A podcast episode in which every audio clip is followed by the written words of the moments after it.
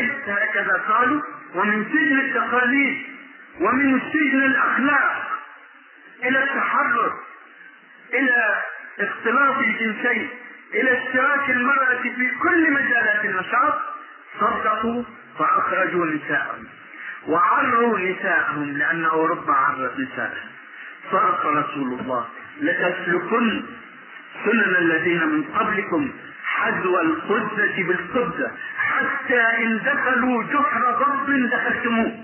جحر الضب كما تعلمون ضيق مرهق ومع ذلك دخلوا هم جحر الضب فدخلنا. أخرجوا نساءهم من البيوت فأخرجنا نساءهم كشفوا أجسام نسائهم. بالكامل أحيانا فكشفنا أجساد نسائنا لكي نتقدم لكي نتحضر. إلى متى نظل متاخرين إلى متى نظل نسجن المرأة في سجن التقاليد؟ المجتمع يجب أن يسير على قدمين اثنتين.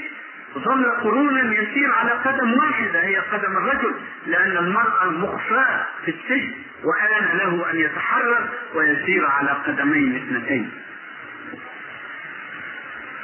حين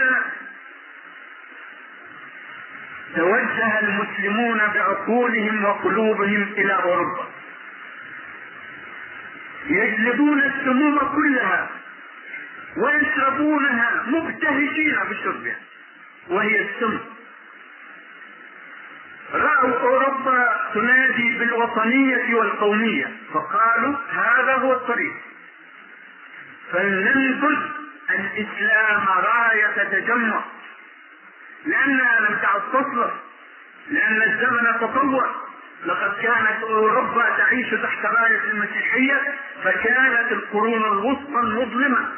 ولم تتحرر أوروبا ولم تتنور إلا بعد أن أزاحت راية التجمع الديني ونصبت رايات التجمع الوطني والقومي. فلنصنع مثله. نريد أن نتقدم ونتحضر. فلننبذ راية التجمع الإسلامي لأنها هي سر تأخرنا. هي التي أخرتنا القرون الطوال. ولن نتقدم إلا بنبذ هذه الراية ورفع راية الوطنية والقومية وسرت السموم في العالم الإسلامي والعالم العربي. كل دويلة كل لقيمة صغيرة قد صاع الصليبيون ليزدردوها فاللقمة الكبيرة ترهق حنجرة البال أما اللقيمات الصغيرة فهي سهلة للزراعة. تقسم العالم الإسلامي والعربية إلى لقيمات. كل لقيمة تعادي أختها وهي في فم مزدرجها تعادي أختها. كانت العراق ومصر كلتاهما خاضعتين للاحتلال البريطاني. كان يقال للعراقيين المصريون فراعنه وهم يريدون أن يتجبروا عليكم وهم يحتقرونكم. وكانوا يقولون للمصريين العراقيون يكرهونكم ويقولون عنكم إنكم عياسه مرتزقه وكانت النتيجة أن يكره المصريون العراقيين ويكره العراقيون المصريين. وهم مسلمون وهم عرب وهم واقعون كلاهما في قبضة استعمار واحد. وما زلت أذكر هذه المضحكة المبكية. يوم أنشأ للعراق سلاح جوي قام وزير الحربية العراقي. كان هذا في الثلاثينات. أقام احتفالا كبيرا بالسلاح الجو بالسلاح الحربي العراقي وخطب خطبة عصماء قال فيها أصبح لدينا اليوم أسطول حربي جوي. أصبحت لدينا طائرات تستطيع أن تقوم من القاهرة من بغداد فتقذف القاهرة بالقنابل وتعود. يعني حين فكر لم يفكر إلا في ضرب القاهرة. لم يفكر في ضرب مستعمرات الجيش البريطاني في العراق. إنما فكر في أن يضرب القاهره وكان هذا من آثار القومية والوطنية. هذا السم الذي استجلبناه من هناك. نظن أنه الدواء نظن أنه سبيل التقدم. وهو سم. ثم نتجرعه ضاحكين مبتهجين ونصفق له طرف. المغرب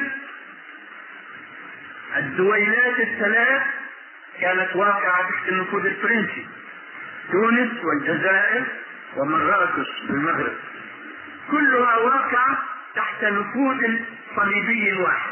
ومع ذلك أثار الفرنسيون في التونسيين كراهية ومنافسة للجزائريين وأثاروا في كلتيهما كراهية للمغرب.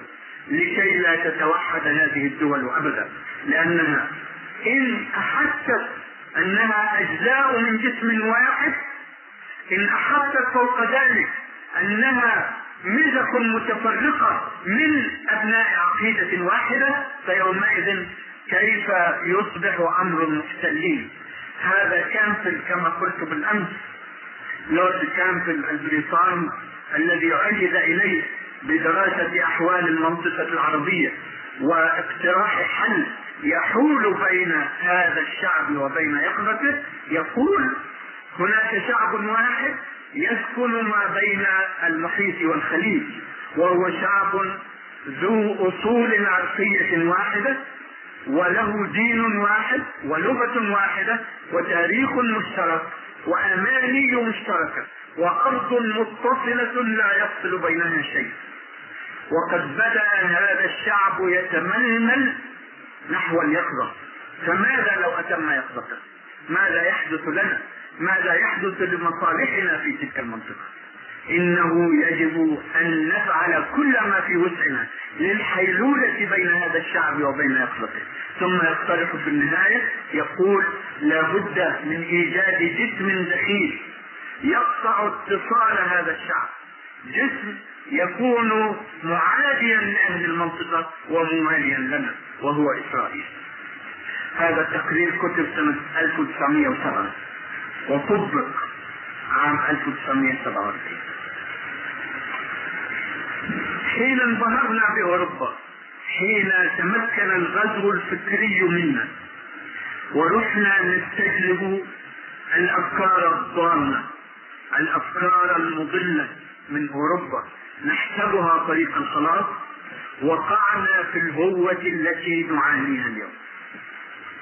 الهوة التي تبتلعنا أو تكاد تبتلعنا تغرقنا حتى أذقاننا حتى آذاننا. نكاد نفقد القدرة على التنفس.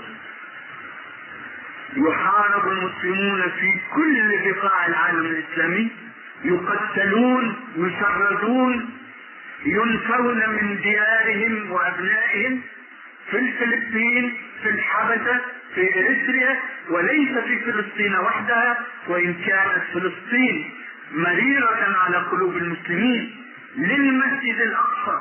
ولمكانتها التاريخية ولكنها ليست المكان الوحيد الذي يشرد المسلمون فيه ويقتل المسلمون فيه ويطردون من أرضهم وأموالهم وأبنائهم وديارهم. في كل الأرض يعامل المسلمون هذه المعاملة. في أوغندا يجيء الصليبيون من الخارج للإصاحة بحكم. لا نقول إنه الحكم الإسلامي النموذجي. كلا. لا نقول إنه كان خاليا من الأخطاء. كلا. لا نقول إنه كان خاليا من المظالم لكن لا من أجل الأخطاء أزيل أيدي أمين. ولا من أجل المظالم التي قد تكون وقعت منه. ولكن لأنه تسلم اوغندا وفيها ثلاثون في المئة من سكانها مسلمون فتركها أو طرد منها وثمانون في المئة من أهلها مسلمون. لأنه أوقف أعمال التبشير ولأنه طرد اليهود وعملاء اليهود. من أجل ذلك يعاقب من أجل ذلك ينفى من الأرض. ويجيء الصليبيون من الخارج من تنزانيا ليزيلوا بقايا الإسلام من هناك ويكون أول عمل يعملونه إلغاء عطلة الجمعة. لقد تقدموا خطوة بعد تفكير كرومر القديم كان كرومر يقول يجب أن نجعل المسيحية هي قاعدة التعامل مع المحافظة التامة على كل المضارب الزائفة. للإسلام مثل عطلة الجمعة والعيدين. هؤلاء تجاوزوا دخلوا مرحلة جديدة. حتى عطلة الجمعة والعيدين يلغوننا ليصبغ الأرض صبغة صليبية. هبطنا إلى الوحدة التي نقع فيها اليوم. تغتال حقوقنا تغتال أموالنا تغتال أعراضنا تغتال عقيدتنا في داخل قلوبنا. لا يسمح لنا بأن نكون مسلمين في داخل بلادنا. الإسلام ليس شعارا يرفع ولكنه واقع معاش. ولا يسمح لنا في داخل بلادنا الإسلامية أن نكون مسلمين. حين نقول نريد أن نكون مسلمين نريد أن نطبق شريعة الله يزج بنا في السجون ويقال لنا يريدون أن يخلطوا الدين بالسياسة والسياسة بالدين. هذه النظرة إلى الدين ذاتها على أنها شيء لا علاقة له بالسياسة هي جزء من الغزو الفكري. هي استجلاب لفكرة المسيحية الكنسية وإحلالها محل الإسلام في قلوب المسلمين. وأجيال من المسلمين تصدق ذلك تصدق أن الدين لا علاقة له بالسياسة. وحين يقوم أناس يقولون نريد تطبيق شريعة الله. يقولون انظروا إلى الذين يتسترون بالدين ويدخلون في السياسة. ويصدق الناس ويصدقون الطاغية الذي ولغت يده في دماء المسلمين الذين ينادون بتطبيق شريعة الله. يصدقون الطاغية حين يقول هؤلاء قوم لا يعملون للدين إنما يعملون للسياسة ويتفكرون وراء الدين. ما للدين والسياسة؟ ما الاقتصاد ما للاقتصاد والسياسة؟ ما للاجتماع والسياسة؟ ما لأجيال؟ ما للاقتصاد والدين؟ ما للاجتماع والدين؟ ما للدين وأجيال المرأة؟ إيش دخل الدين في أجيال المرأة؟ دي مسائل تخضع للموضة إيش دخل الدين فيه؟ ويصدق الناس. يصدق أن دين الله لا علاقة له بالحلال والحرام. فيما يلبس الرجل وما تلبس المرأة. يصدقون لأن الغزو الفكري توغل في قلوبهم وهو أشد سوءا من غزو السلاح. أشد سوءا من الغزو السياسي والاقتصادي والعلمي والتكنولوجي وإن كان هؤلاء جميعا يتساندون في قهر المسلمين وإذلالهم وإبعادهم عن دينهم. النتيجة من ذلك كله أن صار المسلمون كما خبر رسول الله صلى الله عليه وسلم غثاء كغثاء السيل يوشك أن تداعى عليكم الأمم كما تداعى الأكلة إلى خطافها قالوا أمن قلة نحن يومئذ يا رسول الله؟ قال لا بل إنكم كثير ولكنكم غثاء كغثاء السيل هذا الغثاء الذي ينطبق عليه وصف الشاعر الجاهلي القديم الذي كان يغزو قبيل الذي كان يهجو قبيلة يقول ويقضى الأمر حين تغيب تيم ولا يستأذنون وهم شهود. وكذلك يفعل بالمسلمين في هيئة الأمم في مجلس الأمن في المحافل الدولية في كل مكان. يقضى الأمر والمسلمون غائبون عن الساحة. وإن حضروا لا يستأذنون. لا يؤخذ رأيهم. لا يؤخذ رأيهم بوصف المسلمين. يؤخذ رأيهم أحيانا بوصفهم دول العالم الثالث يؤخذ رأيهم أحيانا بوصفهم منطقة الشرق الأوسط بوصفهم دول عدم الانحياز أي وصف إلا وصفهم على أنهم مسلمون. أما إن دخلوا الساحة بوصفهم مسلمين. عندئذ تنصب لعنات العالم كله عليه. الخميني يقيم دولة دينية في القرن العشرين دولة رجعية. دولة تنادي بتطبيق الحدود الإسلامية. أي وحشية أي رجعية. آه، باكستان تريد أن تنشأ دستورا إسلاميا. يا للهول المرعب. دولة كانت تقدمت فتعود إلى الرجعية. دولة عرفت الحضارة فتعود إلى قيود القرون الوسطى. تعود إلى الهمجية التي كان قد أنجاها منها المستعمرون الصليبيون أفغانستان أولئك المجرمون الذين يقاومون حركة التقدم التي تقوم بها الحكومة الأفغانية. هكذا إعلام العالم كله يصب اللعنات إلى كل مكان ترفع فيه راية الإسلام. والعجيب في هذا المجتمع الدولي الذي يتحدثون عنه أنه يبارك الدولة الدينية التي قامت على عصبية الجنس والدين. دولة إسرائيل في الوقت الذي يأبى أن تدخل ساحته دولة إسلامية تحكم بشريعته وتبارك في أفريقيا الدول الصليبية.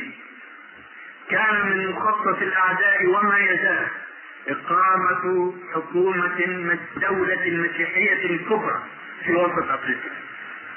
تضم الحبشة تنزانيا الآن ستضم لها أوغندا. سيبتلع في الوسط إريتريا والصومال لتصبح وجنوب السودان.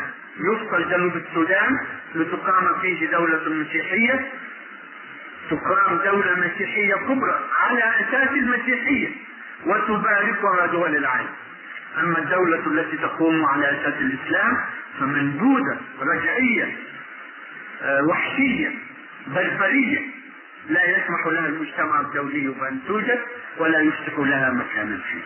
ويقضى الأمر حين تغيب تيم ولا يستأذنون وهم فيه ما الخلاص لقد بدأنا كلامنا بالسؤال الخلاص من ماذا؟ وأظننا رأينا الشيء الذي نريد الخلاص منه. هذا الذل هذا الهوان هذا الاستضعاف هذا الحال الذي لم يبلغ بالمسلمين مثله في التاريخ كله. حتى فترتي الظلام العظميين في التاريخ الإسلامي فترة الغزو الصليبي الأولى وفترة التتار. لقد قدمت لكم في حديثي أن فترة التتار كانت فترة مذلة عظيمة. حتى إن التتري كان يلقى المسلم بغير سلاح فيقول له ابق هنا حتى آتي بالسلاح فأقتلك. فيبقى المسلم حتى يجيء التتري بالسلاح فيقتله. نعم إلى هذا الحد من الذل والهوان.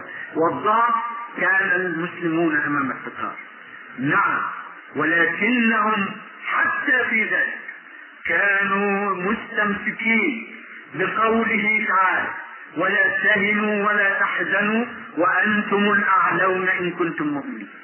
كانوا يحسون أنهم هم الأعلون بإيمان بلا إله إلا الله.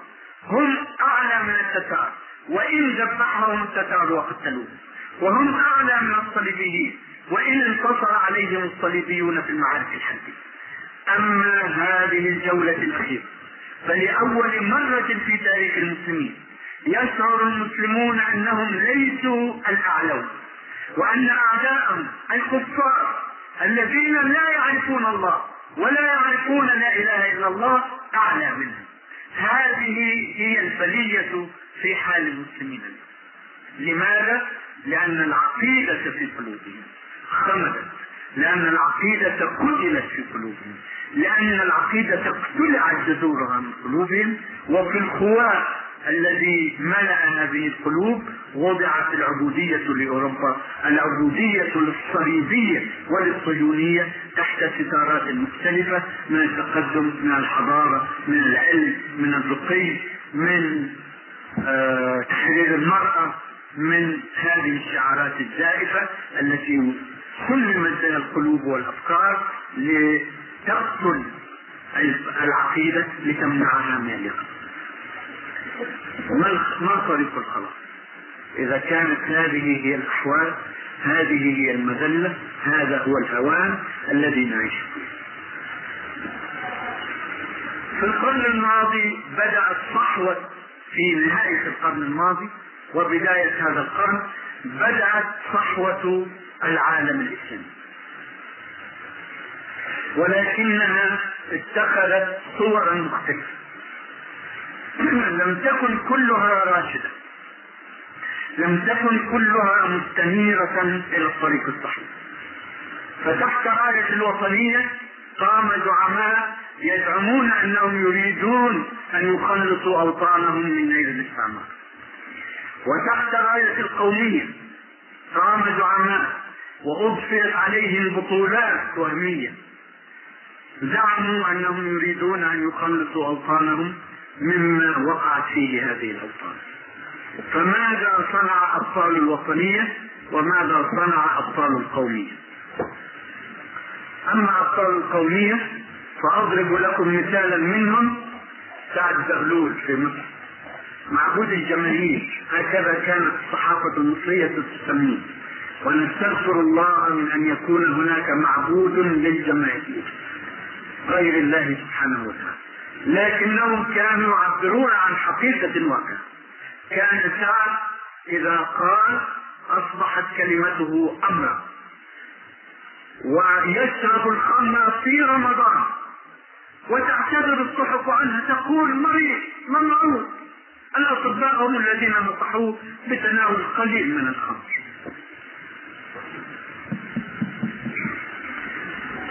وينزع الحجاب من وجه زوجته ويجعلها تقود مظاهرة نسائية. هي كان اسمها أم المصريين. وهي أول امرأة على الطريقة الأوروبية فقدت اسمها حين تزوجت أبوها اسمه مصطفى فهمي باشا. وهي اسمها؟ صفية صفية. صفية مصطفى فهمي فصار اسمها صفية زغلول. باسم زوجها على الطريقة الأوروبية مدام فلان. وهدى شعراوي. وثالثة لا يهمكم باسمها اسمها سيدة نبراوي. قدنا الحملة أو المظاهرة إلى ميدان الإسماعيلية الذي سمي فيما بعد ميدان التحرير ميدان تحرير المرأة. وخلعنا الحجاب وألقيناه في الأرض وسكبنا عليه البترول وأشعلنا فيه النار. وتحررت المرأة من شيء. هذا معبود الجماهير الذي كان يقودها في هذا الطريق. فإلى أي شيء وصل هذا الطريق؟ ذهب سعد زغلول إلى لندن لمفاوضة الإنجليز وفشلت المفاوضات ثم عاد يقول سألوه إيش الأخبار؟ قال الإنجليز خصوم شرفاء معقولون. وبطل القومية العربية. إلى أي مصير قاد بلادة؟ بل قاد منطقة بأسرها. لقد قادها إلى النكسة العظمى التي هي جزء من تاريخ هذه المنطقة لا يزول حتى يغير الله ما بأنفسهم فيغير الله لهم. إن الله لا يغير ما بقوم حتى يغيروا ما بأنفسهم. وظهر الزعماء قالوا خذلنا الغرب فلنتجه إلى المعسكر الشرقي. فلنتخذ الاستراتيجية طريقا للخلاص. وخاضوا التجربة. وقالوا نحن اشتراكيون نلغي الدين. لا دين لأن روسيا تنص في دستورها. في المادة الثانية على ما أذكر تقول لا إله والكون مادة فلنكن اشتراكيين فلنلغي الدين فلنحارب كل من يتمسك بالدين فلنقذف إلى السجون. كل رجل يصيح لا إله إلا الله نريد تطبيق شريعة الله فلنحارب كل فتاة متحجبة حتى نضطرها إلى خلع الحجاب. بن بلة بن بلة زعيم عظيم. حين تولى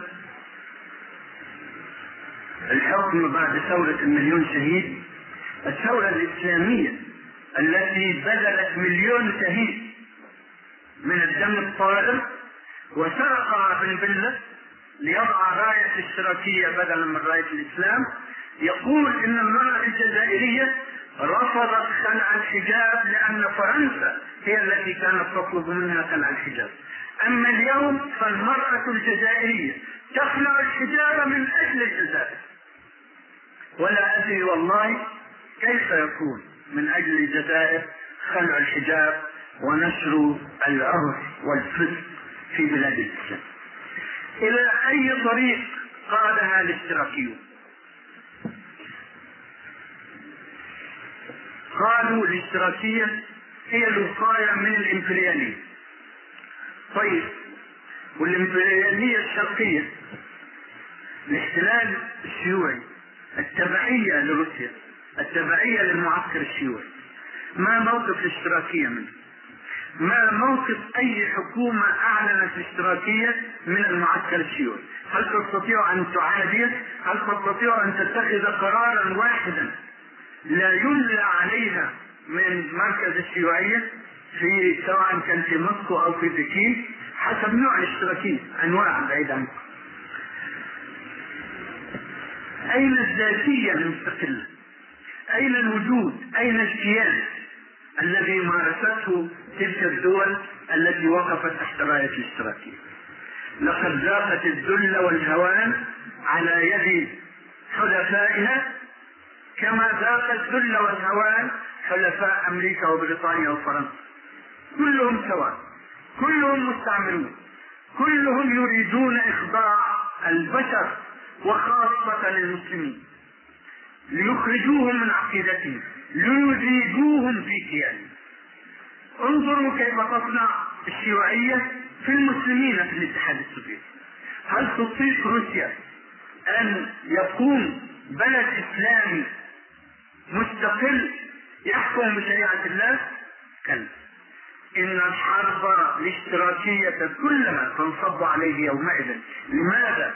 لأنه سيجد ذاته الحرب بين المعسكرين الكبيرين كلها على من؟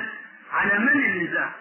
إنهما يتنازعان علينا نحن كل معسكر يريد أن يضم أن يضمنا نحن قطيعا بشريا ليكون عبيدا له ليكون وقودا لأطماعه ليقف في وجه المدفع حين تقوم الحرب القادمة. بدلا من أن تقتل البيض تقتل الملونين أولا. تقتل الملايين من هذه الجحافل التي لا كيان لها الغثاء الذي هو غثاء كغثاء السيف قبل أن تصل القنابل إلى الرجل الأبيض. ما الطريق؟ لا الوطنية لا القومية لا الاشتراكية لا الإلحاد لا التفسخ الخلقي لا جنون الكرة لا جنون الجنس لا جنون التلفزيون لا كل هؤلاء يصل بنا إلى طريق الخلاص. إنما هي طرق كلما أوغلنا فيها زدنا هبوطا زدنا ضعفا زدنا عبودية لأعداء الله وأعداء لا إله إلا الله طريق واحد هو طريق الخلاص. الإسلام هو طريق الخلاص. الإسلام هو الذاتية للمسلم. لا كيان للمسلم إلا في ذات الإسلام. حين يخرج من إسلامه يفقد ذاتيته يفقد قوته يفقد العنصر الدافع الذي يدفعه إلى الجهاد إلى المجاهدة إلى الإيجابية إلى الواقعية إلى الإنتاج إلى كل خير يمكن أن يتحقق لقد زعمنا لأنفسنا أننا إذا تخلينا عن الإسلام نتقدم في جميع الميادين فأين تقدمنا؟ في أي مجال زادت قوتنا؟ ردوا جميع المجالات. وانظروا أي مجال أي مجال على الإطلاق تقدمنا فيه حين تخلينا عن الإسلام. الإسلام طريق الخلاص لأنه دين الفطر بادئ ذي بدء فطرة الله التي فطر الناس عليها لا تبديل لخلق الله ذلك الدين القيم.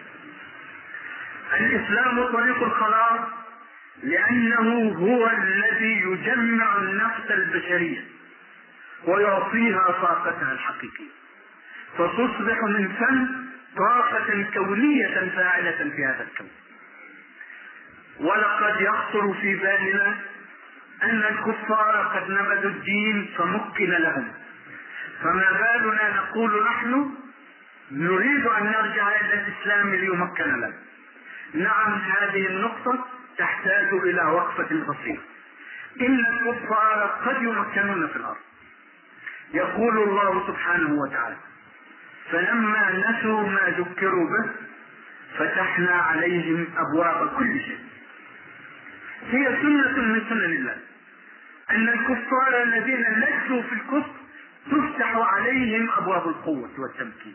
فلما نسوا ما ذكروا به فتحنا عليهم أبواب كل شيء. وانظروا إلى العبارة القرآنية. أبواب كل شيء. كل لون من ألوان القوة يستطيع الإنسان أن يفكر فيه مفتوح عليه. القوة العلمية القوة السياسية القوة الاقتصادية قوة التكنولوجيا. كل ما يمكن أن يتصور مما تدل عليه العبارة القرآنية أبواب كل شيء. حتى إذا فرحوا بما أوتوا أخذناهم بغتة فإذا هم مبلسون. إنما يستدرجهم الله. يمكن لهم في الأرض نعم. حسب سنة ربانية. من كان يريد الحياة الدنيا وزينتها نوفي إليهم أعمالهم فيها. وهم فيها لا يبخسون. أولئك الذين ليس لهم في الآخرة إلا النار الله سبحانه وتعالى يعطي الدنيا للمسلم والكافر. كلا نمد هؤلاء وهؤلاء من عطاء ربك وما كان عطاء ربك محظورا. لكن ما النتيجة؟ ما النتيجة حتى هنا في الحياة الدنيا. فلما نسوا ما ذكروا به فتحنا عليهم أبواب كل شيء حتى إذا فرحوا بما أوتوا أخذناهم بغتة فإذا هم مبلسون. أوروبا ممكنة في ظاهر الأمر قوية مفتوح عليها أبواب العلم والتمكن الاقتصادي والتمكن المادي التكنولوجيا كل شيء. كيف الحياة في أوروبا وأمريكا؟ انظروا إلى إحصاءاتهم هم. لأننا إذا قلنا نحن فنحن متهمون بالتعصب. لكن إذا شهد شاهد من أهلها فلن يتهم بالتعصب تقول الإحصائيات الأمريكية إن مرض الجنون يفتك بعدد من الأمريكان أكبر من أي وباء مرضي آخر. فهذه شهادتهم على أنفسهم. يقولون إن القلق واضطراب الأعصاب والأمراض النفسية وحالات الانتحار تبلغ نسبة رهيبة وهي آخذة في الازدياد. من روتين الحياة الغربية والأمريكية بصفة خاصة أن يمر الإنسان مرورا دوريا على العيادة النفسية. العيادة السيكولوجية كما يسمون. لماذا يذهب الإنسان إلى العيادة؟ هل يذهب لأنه مريض أم لأنه سليم؟ وما حاجة السليم بالذهاب إلى العيادة؟ إنما يذهبون إلى العيادات النفسية لأن نفوسهم مريضة تحتاج إلى علاج وبصرف النظر عن كون هذه العيادات تعطي علاجا حقيقيا أم تزيد المرض سوءا فإنهم مرضى أقول تزيد المرض سوءا لأن معظم الأطباء التحليل النفسي يهود وهذه العيادات السيكولوجية مصايب يصيدون فيها الأمميين ليزيدوهم خباث. الجريمة نسبتها بشعة وهي في ازدياد المستمر الإدمان على الخمر الإدمان على المخدرات. جنوح الأحداث العصابات المكونة من أطفال يقتلون ويسرقون وينهبون ومن مرافقين يرتكبون جرائم اغتصاب جنسية أمور تضج منها أوروبا وأمريكا. هذا مع التمكين الاقتصادي والتمكين الحربي والتمكين السياسي. وصدق الله. ولو أن أهل القرى آمنوا واتقوا لفتحنا عليهم بركات من السماء والأرض. يقول عن الكفار فلما نسوا ما ذكروا به فتحنا عليهم أبواب كل شيء لكن بلا بركة بلا طمأنينة لأن الطمأنينة لا يعرفها إلا القلب المؤمن الذين آمنوا وتطمئن قلوبهم بذكر الله. ألا بذكر الله تطمئن القلوب. أما القلوب التي لا تعرف الله ولا تعرف اليوم الآخر فهي كذلك لا تعرف الطمأنينة وإن ملكت القوة المادية وملكت القوة الاقتصادية. الله سبحانه وتعالى يمكن الكفار بكفرهم فترة من الوقت ليدمر عليهم في النهاية. أما المؤمنون فلا يمكن لهم وهم عاصون لله حائدون عن طريق الله لماذا؟ لماذا لا يمكن لهم كما يمكن الكفار؟ لأنه سبحانه وتعالى لا يريد أن يفتنهم وهم جنوده هم أمته الذين يدخر لهم الخير في الآخرة تصوروا معي أن المسلمين عصوا الله فنصرهم ماذا تكون النتيجة؟ يقولون في أنفسهم عصينا الله فنصرنا فلنمضي في العصيان لينصرنا أكثر فتكون الفتنة. إنما تأديبا وتربية لأمته أمة محمد عليه الصلاة والسلام لا ينصرهم الله أبدا إلا حين يستقيمون على الطريق. من أجل هذا نقول إن الإسلام هو طريق الخلاص للمسلمين. قد يكون الكفر سبيلا للتمكين الوقتي بالنسبة للكفار حتى يدمر الله عليه ولكن المسلمين لا يمكنون إلا حين يستقيمون على طريق الإسلام طريق الخلاص للفرد للأسرة للمجتمع للعالم الإسلامي كله. لأنه هو الذي ينشئ النفس الإنسانية يقومها على المنهج الصحيح فتستقيم. فتكون ستارا لقدر الله في الأرض يجري قدره من خلاله. الإسلام طريق الخلاص لأنه هو سبيل القوة المادية والاقتصادية والعلمية والحربية التي نطمح إليها. فيقول قوم كيف؟ التكنولوجيا الآن في إيد أمريكا وروسيا فإذا أردنا أن نعمل فعل من التكنولوجيا نقول إيه أم ما يجيش منا خارج إذا أردنا أن نتخذ التكنولوجيا فلا بد أن نبحث عنها في بلادها وعلى يد أهلها وأن نتبعهم في الطريق. وسلكنا هذا الطريق واتبعناهم. فهل زدنا تكنولوجيا عما كنا؟ نشكو.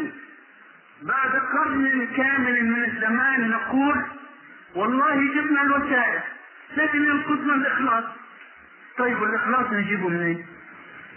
هل هناك مصنع لتوريد الإخلاص غير عقيدة الله غير الإسلام نقول تعلمنا وأصبحت لدينا معلومات الغرب لكن ليس عندنا تعاون طيب التعاون نجيبه منين؟ من أين يستجلب التعاون؟ من أوروبا من أمريكا من روسيا؟ قرن كامل من الزمان نحاول أن نستجلب روح التعاون من هنا أو من هنا. ولا نستطيع لأنها في بلادنا لا تنبع إلا من هذا الدين. نقول نريد أن نربي روح الجد والمثابرة لأن الذي ينقصنا هو روح الجد والمثابرة. نحن كسالى نحن آه نخلد إلى الراحة وإلى السكون ليست عندنا القوة الدافعة ليست عندنا المثابرة هذا صحيح منين نجيب روح الجد والمثابرة؟ نتعلمها من أوروبا؟ منذ قرن كامل نحاول نحاول أن نتعلمها من أوروبا ماذا كانت النتيجة؟ الجد والمثابرة هي من هذا الدين هي روح هذا الدين. أي اتجاه نتجه إليه أي نقص في حياتنا نفكر فيه لا علاج له إلا العودة إلى دين الله. لكن أي دين في أي صورة من صوره نرجع إليه. صورة القرن الماضي صورة الخرافات التي كان الدين قد تحول إليها منذ قرن كيف كانت صورة الدين في بلاد المسلمين؟ الشيخ بتاعنا أكثر من الشيخ بتاعنا لأنه له كرامات أكثر من كرامات الشيخ بتاعنا. السلطان الجن هو الذي يعتمد عليه. حين يريد إنسان أن يكون ثروة بدل من أن يكدح ويجد لاستخراج الثروة يستحضر الجن ليخرج له الكنز المرصود في البقعة الفلانية. هكذا كانت صورة الدين ومن أجل ذلك فزينا في قلوبنا وفي مشاعرنا وأفكارنا لأن العقيدة كانت قد تحولت عن صورتها الحقيقية فأي صورة من صور الدين نرجع إليها حين نقول الإسلام هو طريق الخلاص. نقول لا إله إلا الله ونصلي ونصوم وعلى الأكثر نؤدي الزكاة ونحج. ويكون هذا هو الدين. لا شك أن هذا من الدين. وهذا كله افترضه الله علينا أن نصلي ونصوم ونؤدي زكاة أموالنا ونحج إلى بيت الله. لكن هل الإسلام محصور في شعائر التعبد؟ كلا. قل إن صلاتي ونسكي ومحياي ومماتي لله رب العالمين لا شريك له. الصلاة والنسك هي شعائر التعبد لكنها ليست وحدها هي العبادة المطلوبة في الإسلام. ومحياي ومماتي حياتي كلها لله لا شريك له. كيف تكون الحياة كلها لله كيف ينطبق قوله تعالى وما خلقت الجن والإنس إلا ليعبدون كيف يعبد الإنسان ربه حياته كلها مساءه وصباحه ليله ونهاره عمره كله؟ كيف يكون عباده؟ بالذكر والتسبيح يستحيل على المخلوق البشري أن يسبح كالملائكة يسبحون الليل والنهار لا يفترون. هذه عبادة الملائكة. وكلف الله الملائكة هذا النوع من العبادة لأنه خلقهم بلا إفساد بلا شهوات. فهم يستطيعون بخلق الله لهم على هذه الصورة أن يسبحوا الليل والنهار لا يفترون. لكن المخلوق البشري له جسد يفتر له شهوات تنزع به هنا وهناك فكيف يعبد الله ليله ونهاره؟ من رحمة الله وحكمته أنه لم يكلف الإنسان فوق طاقته بل جعل نشاط روحه عباده. ونشاط عقله عبادة ونشاط جسده عبادة. متى تكون عبادة؟ كيف يكون نشاط الجسد عبادة؟ قد تعجبون لأول وهلة حين تسمعون هذه العبارة. إن نشاط الجسد عبادة. ولكني أردكم إلى قول رسول الله صلى الله عليه وسلم.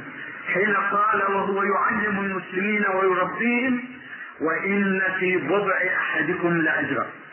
البضع المباضعة إتيان الزوج زوجته. وإن في بضع أحدكم لأجرا قالوا يا رسول الله إن أحدنا ليأتي زوجه شهوة منه ثم يكون له عليها أجر. قال أرأيتم لو وضعها في حرام؟ أكان عليه فيها وزر فإذ وضعها في حلال فله عليها أجر. هكذا يصبح نشاط الجسد عبادة ويؤجر الإنسان عليه. هذا هو الإسلام. نشاط الروح عبادة. نشاط العقل عبادة.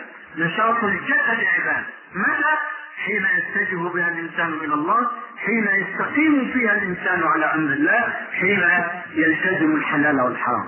تصبح حياة الإنسان كلها عبادة. هذا هو الإسلام. الذي نقول إنه طريق الخلاص. لا شعائر التعبد وحده. طبعا من باب أولى لا الخرافات التي ملأت قلوب المسلمين أجيال متواليه وظنوا أنها هي الدين. إنما الدين الذي أنزل على رسول الله صلى الله عليه وسلم أول مرة واعتنقه ذلك الجيل من الصحابة رضوان الله عليهم فكانت منهم خير أمة كما شهد الله لها.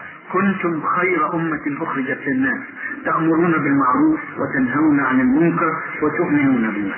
هذا الدين هو الذي يخرجنا مما نحن فيه. هو طريق الخلاص لأننا حين نتبعه ماذا يصير في أمرنا؟ بادئ ذي بدء